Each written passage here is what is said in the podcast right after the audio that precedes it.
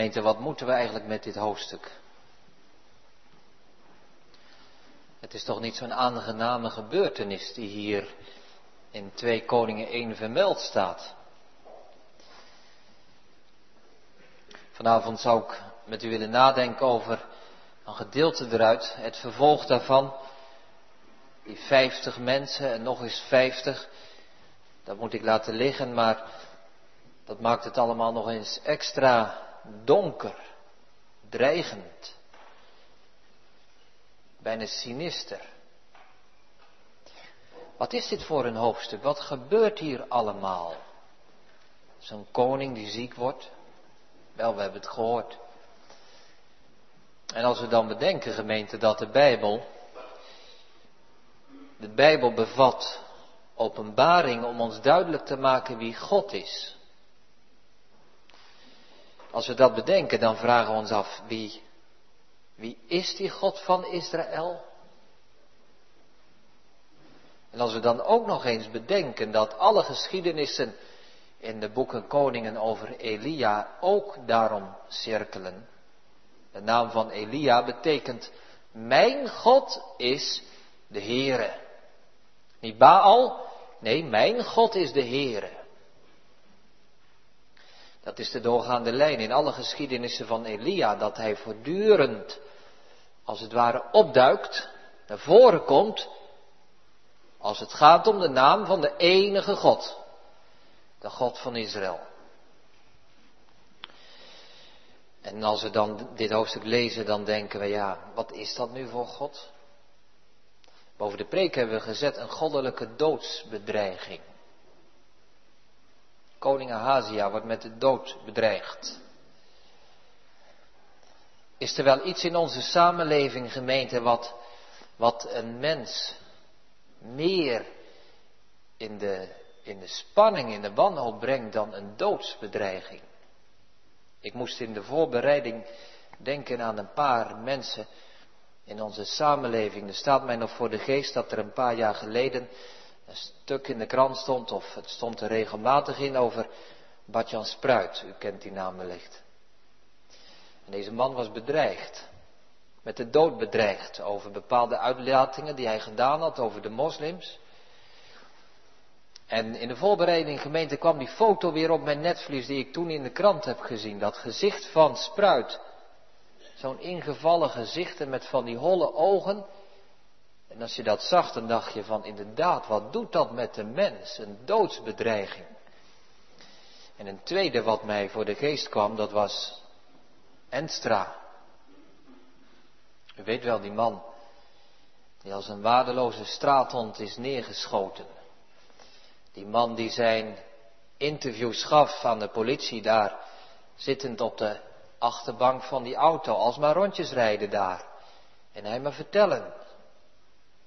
Met de dood bedreigd. Hij voelde zich een opgejaagd stuk wild. En zo is zijn leven ook geëindigd. Die doodsbedreiging. Neergeknald. Wilt u een Bijbels voorbeeld? Dezezelfde Elia-gemeente is ook met de dood bedreigd.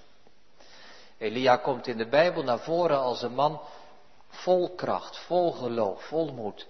Maar er is één moment dat, hij, dat er niets meer van hem overblijft. Dan is het maar een armzalig hoopje mens. Wanneer is dat? Als hij met de dood bedreigd is. Toen de moeder van deze koning Ahazia, Izebel, hem een bode stuurde. Zeker van de zaak. Elia, bereid je maar voor. Je laatste uur is vlakbij. Toen gemeente, toen zonk alle moed en alle geloof en alle vertrouwen hem in de schoenen en hij vluchtte als een bange wezel de woestijn in. En hij zei tegen God, neem maar maar weg. Ik ben alleen overgebleven. Dan zien we gemeente wat een doodsbedreiging doet met de mens. Totale radeloosheid en depressie is het gevolg. Weinig dingen kunnen er zijn in het leven van een mens die zo donker en dreigend zijn als de bedreiging met de dood. En als we dat dan, als we dan nog een keer naar dit hoofdstuk kijken, dan denken we, gaat God daar aan meedoen? Gaat God ook mensen de stuipen op het lijf jagen met een doodsbedreiging? Gaat Elia daaraan meewerken? Om die arme koning die daar ziek op bed ligt een boodschap te geven dat de dood vlakbij is? Is dat nu de God van Israël? Hard en meedogenloos? Is dat de manier waarop hij mensen wil brengen tot het dienen van hem? Dat, dat is in één woord kadaverdiscipline. Gemeente, laten we eens gaan lezen. Wat zegt de Bijbel nu? Deze koning Ahazia is ziek geworden. Hij was op zijn paleis en hij staat in vers 2, hij viel door een tralie in zijn opperzaal. En de verklaringen daarover lopen uiteen. We weten niet precies hoe dat was. Misschien had hij een soort kooi op zijn dak, een open kooi. Ja, waar hij tegenaan geleund is en dat het brak en dat hij daar naar beneden gestort is. Of misschien was het maar eenvoudig een raam met een soort traliewerk erin en waar hij doorheen kon leunen en dat hij te ver geleund is. Anderen zeggen nee, we moeten denken aan die opperzaal is beneden en dat dak van die opperzaal dat is een traliewerk om het licht door te laten. En hij is er opgevallen en hij is er doorgevallen en hij stortte naar beneden in die opperzaal. We weten het niet, maar één ding is, is duidelijk, hij is gevallen en hij is ernstig gewond geraakt. En hij vraagt zich af of hij het er levend vanaf brengt. Hij stuurt boden Waar gaat hij zijn boden heen sturen? Stuurt hij boden naar de tempel in Jeruzalem of stuurt hij boden naar Elia, de profeet? Nee. Nee, zijn boden moeten gaan naar de God van Ekron. Baal-Zebub staat er in vers 2. Baal-Zebub, de God van Ekron. Gemeente, nu is er één probleempje met die naam. Komen deze naam van die afgod ook tegen in het Nieuwe Testament. En tussen die twee namen zit één letter verschil. Hier in 2 Koningen 1 wordt de God genoemd Baal-Zebub. In het Nieuwe Testament wordt hij genoemd Beelzebul. En die verandering van die A-klank naar die E-klank, dat heeft meer te maken met, met het Grieks en Hebreeuws, maar in medeklinkers is er één letter verschil, die laatste letter. Moeten wij die naam nu opvatten met aan het slot een B, Baal Zebub, of met aan het slot een L, Beelzebul? Sommige verklaarders zeggen de oorspronkelijke naam van deze afgod is geweest Beelzebul. Anderen zeggen, nee, Baal Zebub is de oorspronkelijke. Nou, daar kunt u, als u dat interesseert, commentaren op naslaan, maar persoonlijk denk ik dat Beelzebul, met de letter L, de oorspronkelijke naam is. Waarom denk ik dat? Wel, die naam die betekent grote God, grote Here, of ook wel de overste Baal. En dat is dus een erenaam. Die andere naam, zoals we hem hier aantreffen, Baal Zebub, betekent heel wat anders. Dat betekent God van de vliegen. Nogmaals, persoonlijk geloof ik dat Beelzebul de oorspronkelijke naam is. En deze, deze koning stuurt zijn boden naar die grote Baal, de overste Baal, die macht heeft om te genezen, die ook macht heeft om dat van tevoren bekend te maken. Maar als hij zijn bode stuurt, stuurt God ook een bode. De engel des Heren sprak tot Elia. De engel, de bode. God stuurt ook zijn bode. En die bode die spreekt Elia aan en die geeft een boodschap mee voor de bode van de koning. Die mensen verlaten de stad Samaria. Samaria ligt op een gebergte en ze moeten naar Ekron. Even voor de plaatsbepaling. Samaria ligt ongeveer, ongeveer in het centrum van het land Israël. Ekron ligt in het zuidoosten, zuidwesten, de huidige Gazastrook. En ze moeten daarheen en ze moeten van die bergen af daar naar beneden naar Ekron. En dan krijgt Elia de opdracht om ze tegemoet te gaan. Ga op, ga omhoog, ga ze tegemoet en houd ze tegen en vertel ze wat. En hij doet het. En in gedachten zien we daar die groep boden komen en Elia die gaat ze tegemoet. Ze kennen de man niet, maar hij houdt ze tegen en hij spreekt ze aan. Is het omdat er geen God in Israël is? Dat u heen gaat naar Baal Zebub? En die mannen die horen die naam aan. En zij horen wel dat Elia een lettertje verandert aan die naam. Niet meer de eervolle naam van overste Baal, maar Heer God van de vliegen. En de bijtende spot klinkt erin door. Die koning Ahazia, die hebben zij verlaten daar in Samaria.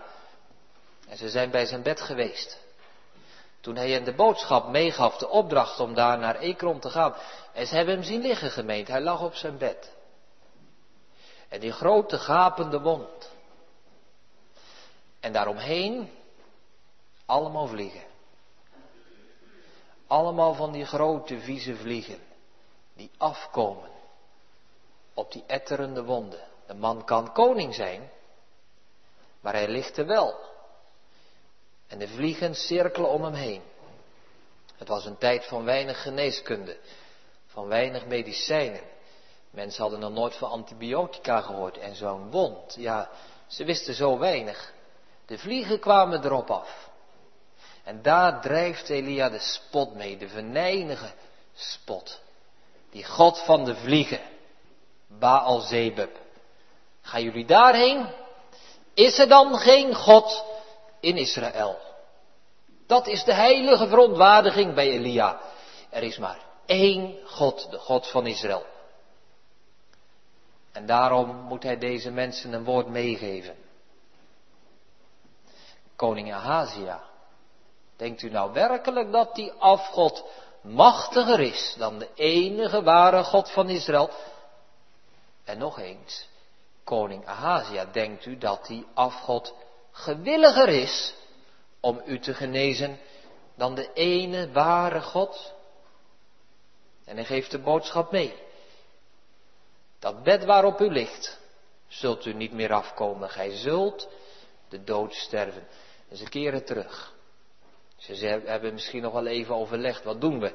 Gaan we door, toch maar naar Ekron of draaien we om? En ze besluiten terug te gaan. Ze komen eraan bij het paleis en ze zijn veel eerder terug dan de koning verwacht had. Het was een reis die wel een paar dagen duurde en ze waren misschien nog maar net vertrokken. En hij vraagt dan ook, wat is dit dat gij wederkomt? Waarom zijn jullie zo snel alweer terug? En ze vertellen het. En ze herhalen die spotnaam. Baal Zebub. Ze zien de koning daar weer liggen. Die misschien wel vermoeid probeert om die vliegen bij zijn wonden vandaan te jagen. En ze vertellen het wat die onbekende man gezegd heeft. Daarom zult gij van dat bed waarop gij geklommen zijt niet afkomen, maar gij zult de dood sterven. Gemeente, wat moeten we nou met deze geschiedenis? Misschien denken we, ja, hij had misschien beter tot de God van Israël kunnen bidden. Maar is dat nu werkelijk zo'n zware zonde dat die arme man, die daar zo ziek ligt en die zo graag gezond wil zijn, dat hij zo met zo'n goddelijke doodsbedreiging geconfronteerd moet worden? Moet hij dan werkelijk door de vliegen worden opgegeten? Om zicht te krijgen, gemeente, op hoe God is, hoe Hij zich hier openbaart, moeten we zorgvuldig lezen. Ik zei al, Elia is heilig verontwaardigd omdat hij hier spreekt namens de enige ware God. Is er dan geen God in Israël? Hij is de profeet van de ware God. En hij moet deze koning waarschuwen. Gemeente, wat mij bijzonder getroffen heeft, is dat hij deze koning, niet letterlijk, maar door zijn boden, dat hij deze koning tegemoet treedt met het woord van God. En het is waar, hij heeft een verwijt aan de koning. Wij zouden denken, hij zal hem wel verwijten dat hij nooit de God van Israël gediend heeft. Dat hij de tempeldienst verwaarloosd heeft. Dat die man geen goede werken had. Noem maar op. Maar wat staat er nu gemeente? Wat heeft nu de toorn van God opgewekt en opgeroepen over deze koning? Wel dit, dat hij om genezing zich niet tot de ware God gewend heeft. Dat treft God het diepst. Dat roept de toorn van God op, dat deze koning niet aan de God van Israël gevraagd heeft om genezing. Als we het iets breder trekken, gemeente. Wat roept de toorn van God het meest op? En dat geldt natuurlijk dan niet alleen maar voor die koning van lang geleden, maar ook voor ons. Gemeente, heel eenvoudig. Als wij Gods genade en barmhartigheid miskennen. Dat roept zijn toorn op. Als wij niet tot Hem gaan om redding, om genezing, om vergeving. Niets krenkt en kwetst God zo diep als dat. Als wij Hem miskennen in Zijn verlangen om genadig te zijn. God is de enige God. En dan is Hij ook altijd de reddende God. En juist daarin wordt Hij door deze koning miskend. En daarom juist gemeente is de enige God een toornend God. Hij heeft het alleen recht op genezen. En dat miskent die koning. En daarom krijgt hij te maken met een goddelijke doodsbedreiging. Ik wil een paar toepassingen maken naar ons toe, gemeente. En ik begin met een toepassing die eigenlijk heel dicht bij de tekst aansluit. Zometeen wil ik er ook een geestelijke les uit trekken, maar we moeten eerst maar eens heel concreet kijken naar dit gedeelte. Deze koning had helemaal geen geestelijke nood. Hij had lichamelijke nood. Hij wilde beter worden, hij wilde genezen worden. En daarmee vluchtte hij niet tot de ware God, maar tot een afgod. Gemeente, dat geldt nu voor ons ook. Ik bedoel dit, als wij ziek zijn, als wij te maken hebben met de gebreken van ons lichaam, waar gaan wij dan naartoe? Deze man ging naar een afgod. Waar gaan wij heen? Misschien zijn er wel mensen in ons midden, ik weet het niet, maar misschien zijn er wel mensen die zeggen, ik ga naar een acupuncturist. Ik ga naar iemand die eroscopie doet. Ik ga naar iemand die homeopaat is. Kan dat gemeente? Mag dat? In het licht van deze geschiedenis. Moeten wij niet zo eerlijk zijn om, om in te zien dat die dingen die ik net noemde niet uit God zijn? Iriscopie. Daar zitten demonische machten, occulte machten achter. Acupunctuur komt uit de Oosterse religies, heeft een boeddhistische achtergrond. Homeopathie Hebt u zich wel eens wat verdiept in Hahnemann, de grondlegger van de homeopathie? Dan zult u weten dat de man spiritist was en zich inliet met occulte zaken. En zich zeer laatdunkend en hatelijk over de Heer Jezus heeft uitgelaten. Dat is de achtergrond van die zogenaamde alternatieve geneeswijze. Ik weet wel gemeente, er zijn geneeskrachtige kruiden, ik weet ook wel, er zijn goede kanten aan. Misschien gebruikt u wel wat van dokter Vogel. Mag dat dan niet? Nogmaals gemeente, er zijn geneeskrachtige kruiden. Maar zult u het onderzoeken? Wat is de bron van die mensen waar u heen gaat? Uit wat voor bron putten zij? Is dat uit het geloof in de ware God of gaan zij te raden bij allerlei schimmige, duistere, occulte, afgodische godsdiensten? Laten we daar geen blinde vlek voor hebben. Want we leren in deze geschiedenisgemeente dat God evenzeer toornig wordt op mensen die hun lichamelijke genezing buiten Hem zoeken. Laten we niet te snel zeggen, ja, het gaat in de Bijbel om onze ziel. En we geven ons lichaam zomaar over in de handen van de eerste, de beste kwakzalver. Dat kan toch niet? God wil gediend worden, God wil gevraagd worden. Ook als de God die genezing aan het lichaam geeft. En dan nog een stapje verder. Ook als wij een gewone arts bezoeken, gemeente. Als we naar de oncoloog moeten. Of naar de chirurg. Allemaal geoorloofd, maar vertrouwen we op hem of haar? Of is ons vertrouwen voor genezing op God? Het komt nou. Dat leren we hier. God is een jaloers God op zijn eer. En dat betekent dat Hij als de enige God ook het alleen recht heeft om te genezen. En dan de geestelijke toepassing. Dan trekken we het iets breder. Ik zei al gemeente, God wordt nergens zo diep in gekwetst en vertoornd als wanneer wij Hem miskennen in Zijn gewilligheid om genadig te zijn. Hoe zondig en goddeloos deze koning ook was, maar dat hij niet om genezing tot God ging. Dat riep die goddelijke doodsbedreiging over hem af. Juist daarin, gemeente, onderscheidt de God van Israël zich van al die afgoden van het Midden-Oosten van die tijd. Bij al die Baals was het zo, hoe machtiger ik ben, hoe meer hoop ik heb dat God mij helpt. Maar de God van Israël zegt, het arme en hetgeen niets is, de ellendige, op hen zal ik zien. Daarin ligt het eigene van de God van Israël. Dat wij tot Hem vluchten. En niets meenemen en alleen maar leven van Zijn genade. En gemeente, dan geldt het voor ons ook.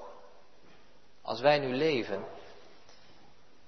terwijl ons leven niet gekenmerkt wordt met dankbaarheid voor Gods genade, ja, dan moeten we eerlijk zijn. Dan geldt de goddelijke doodsbedreiging ook voor ons. De Heer Jezus heeft het later gezegd over die steden. Gij zijt tot de hemel toe verhoogd, maar gij zult tot de hel toe nedergestoten worden. Want u hebt de goddelijke genade miskend. Niets raakt God zozeer als wanneer wij Hem miskennen. Dat Hij een gewillig en genade God is, die ernaar verlangt om te genezen en te vergeven. De enige God is een toornend God. Dat is onze eerste gedachte.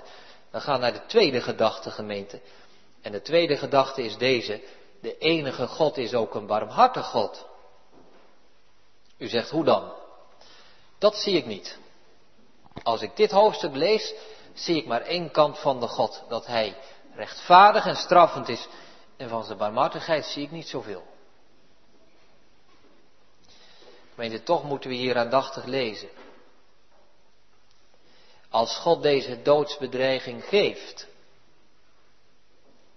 Als God de doodsbedreiging geeft, is dat nog niet de dood zelf. Aan het begin van de preek heb ik wel voorbeelden genoemd, bijvoorbeeld van die Enstra of anderen. Hoe komen mensen ertoe om een ander met de dood te bedreigen? Wel gemeente, er zit een, er zit een duivels genoegen in om de andere radeloos te zien. En dan uiteindelijk toe te slaan. Maar de goddelijke doodsbedreiging is anders. God geeft niet deze bedreiging aan koning Ahazia om zich vervolgens eens met grimmig genoegen te verlustigen in de man zijn radeloosheid. Nee, God geeft die doodsbedreiging opdat Ahazia zich zal bekeren. De doodsbedreiging is nog niet de dood. Dat zien wij hier. Aan de ene kant staat de bedreiging in vers 4 er met de grootste nadruk. Gij zult de dood sterven. En het Hebreeuws heeft er letterlijk, gij zult stervende sterven. Zeer stellig. En toch gemeente. Er zijn verklaarders en die zeggen, ik weet het wel, het is een beetje zwart-wit, maar toch iets om over na te denken. De oud-testamentische onheilsprofetieën werden door de profeten uitgesproken met de bedoeling dat zij niet vervuld werden. Hoort u dat? Ze werden bekend gemaakt met de bedoeling dat ze niet vervuld werden. Twee voorbeelden. De vader van deze Ahazia, Agab, was een goddeloze koning. Maar toen hij zich op het woord van Elia vernederde en verootmoedigde, toen zei God tegen Elia, hebt gij gezien dat Agab zich vernedert voor mijn aangezicht? En God was hem genadig, al was het maar buitenkant. Nog een voorbeeld. De profeet Jona. Jona moest naar Nineveh en hij moest onomwonden, onvoorwaardelijk zeggen, nog veertig dagen en de stad wordt omgekeerd. Maar het gebeurde niet. Het gebeurde niet. Omdat die veertig dagen een tijd waren van bekering, van herstel, van terugkeer tot de levende God. Gemeente, zo is het hier ook.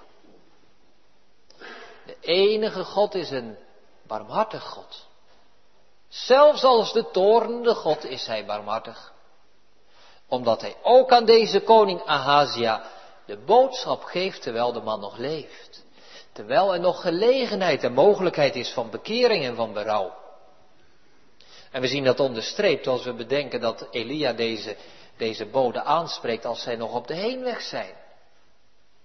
Niet als zij daar al geweest zijn en terugkomen en zij al geluisterd hebben en het woord van de afgod gehoord hebben. Nee, op de heenweg. Het kwaad is nog niet ten volle geschied. Er is nog terugkeer mogelijk. Er is nog bekering en berouw mogelijk. En dan blijkt gemeente. Dan blijkt dat in deze doodsbedreiging er een goddelijke poging is, een hardhandige poging van God om deze koning te brengen tot zijn genadetroon. Toch evangelie in 2 Koningen 1. Toch evangelie. God spreekt tot hem en al is het nog zo dreigend, toch is het een genadewoord.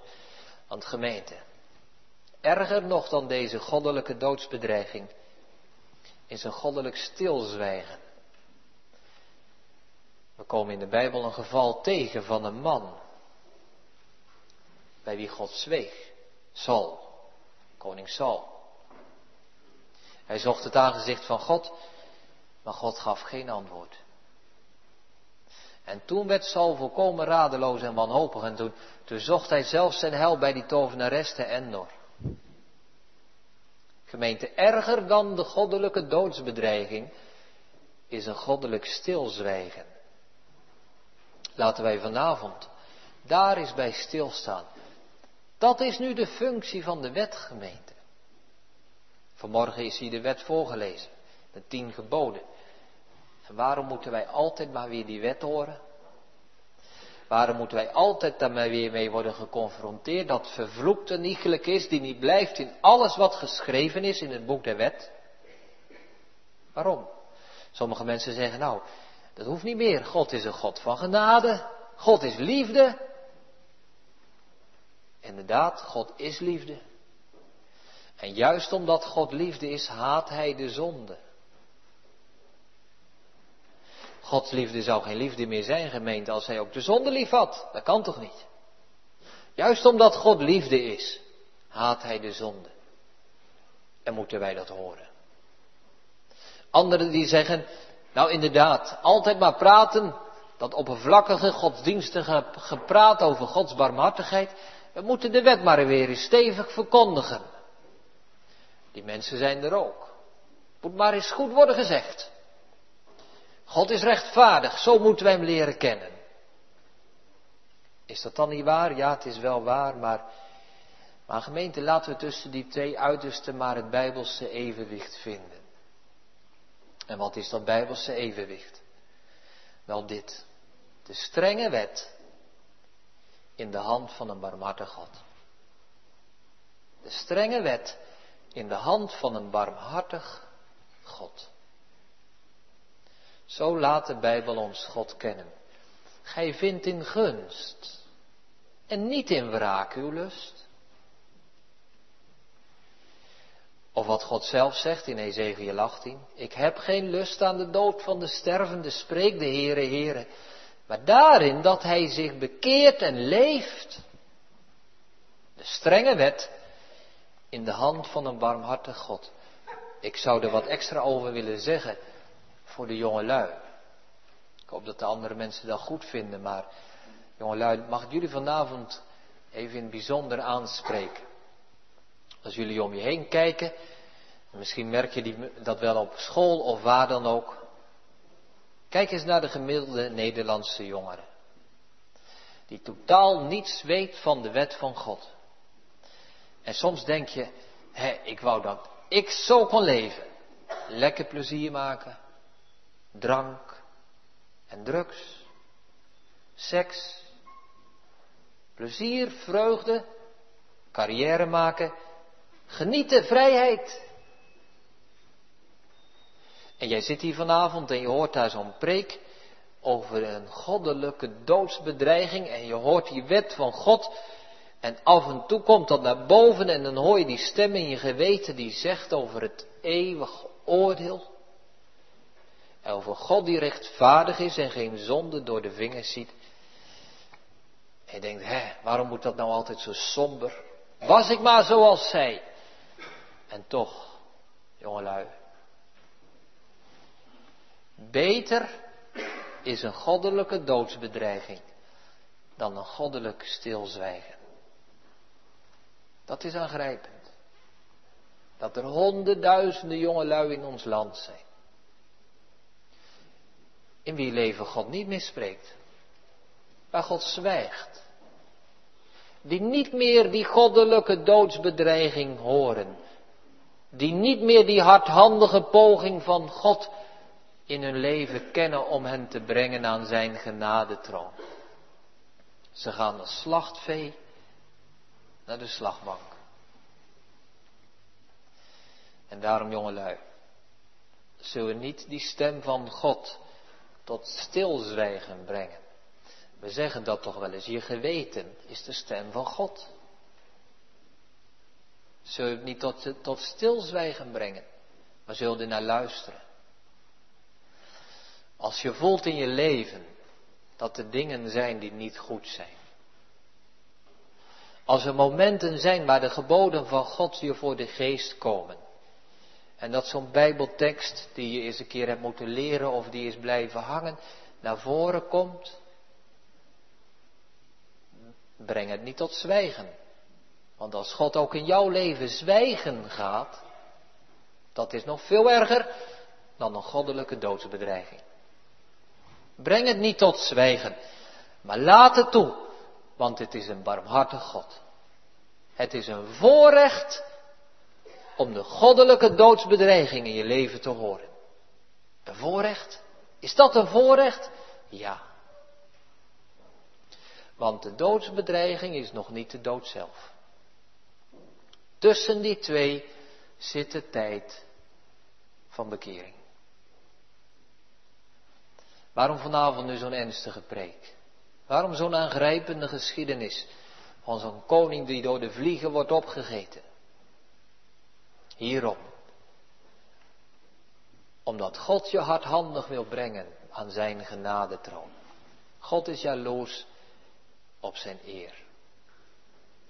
God wil dat wij Hem alleen dienen en Hem alleen erkennen. Hij heeft het alleen recht op genezing en vergeving.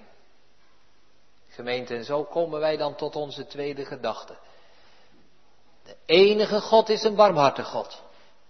Zelfs als hij toornt. En we zien dat nog zoveel duidelijker als het Nieuwe Testament ernaast leggen. Als we zien dat deze God zijn eigen zoon gegeven heeft. Aan die verloren wereld. Aan die zondaren, aan die goddelozen omdat een iegelijk die in hem gelooft niet zou verderven, maar het eeuwige leven hebben. Hij hield gebrokenen van harte. Hij verbindt ze in hun smarten, die in hun zonden en ellenden tot hem zich ter genezing wenden. Gemeente, we gaan afronden. Hoe is dat nu in ons leven? Wij zullen iets moeten kennen van die toorn van God. Niet als doel in zichzelf. Maar om daarin te zien dat God ons behoud op het oog heeft. Dat Hij ons roept, wegroept van de zonde. Laat ons leven nagaan. Zijn er dingen in mijn leven waarin ik niet tot God ga? Misschien gaat het heel eenvoudig om uw lichaam. Zoekt u de genezing buiten God? Misschien gaat het meer over geestelijke dingen. Misschien weet u dat er zonden in uw leven zijn. Die eruit moeten. Die weg moeten. Als dat nu zo is, gemeente, dan komt er vanavond een goddelijke doodsbedreiging. Ook in uw leven, in jouw leven. Hij zult de dood sterven. En toch, de goddelijke doodsbedreiging is de dood nog niet. Er is nog de weg van bekering, van geloof. Geloof wil zeggen dat wij door Christus tot God vluchten als de genadige God. Bekering wil zeggen dat wij radicaal, grondig, hartelijk afstand doen van de zonde. Ons afkeren van de zonde en ons toewenden tot God. En dan nog één ding gemeente. Helaas zien wij in het leven van Ahazia dat die goddelijke doodsbedreiging hem niet tot bekering heeft gebracht. Helaas. Dat is de realiteit van de doodsbedreiging. Als God dat ook in ons leven spreekt, gemeente, dan is dat maar niet opgeklopt, waarvan wij kunnen zeggen het valt wel mee. Het is maar niet wat retoriek als u zondags over de wet van God hoort. Het zijn maar niet wat holle woorden als de Bijbel zegt dat een ieder vervloekt is, die niet blijft in alles wat geschreven is in het boek der wet. Zo eerlijk moeten we zijn. En toch, en toch, de doodsbedreiging is de dood nog niet. Er is nog de mogelijkheid van geloof en bekering. Laat zulk een dwang dan voor u niet nodig wezen. Wie God verlaat, heeft smart op smart te vrezen. Maar wie op Hem vertrouwt, op Hem alleen, ziet zich omringd met Zijn weldadigheid. Amen.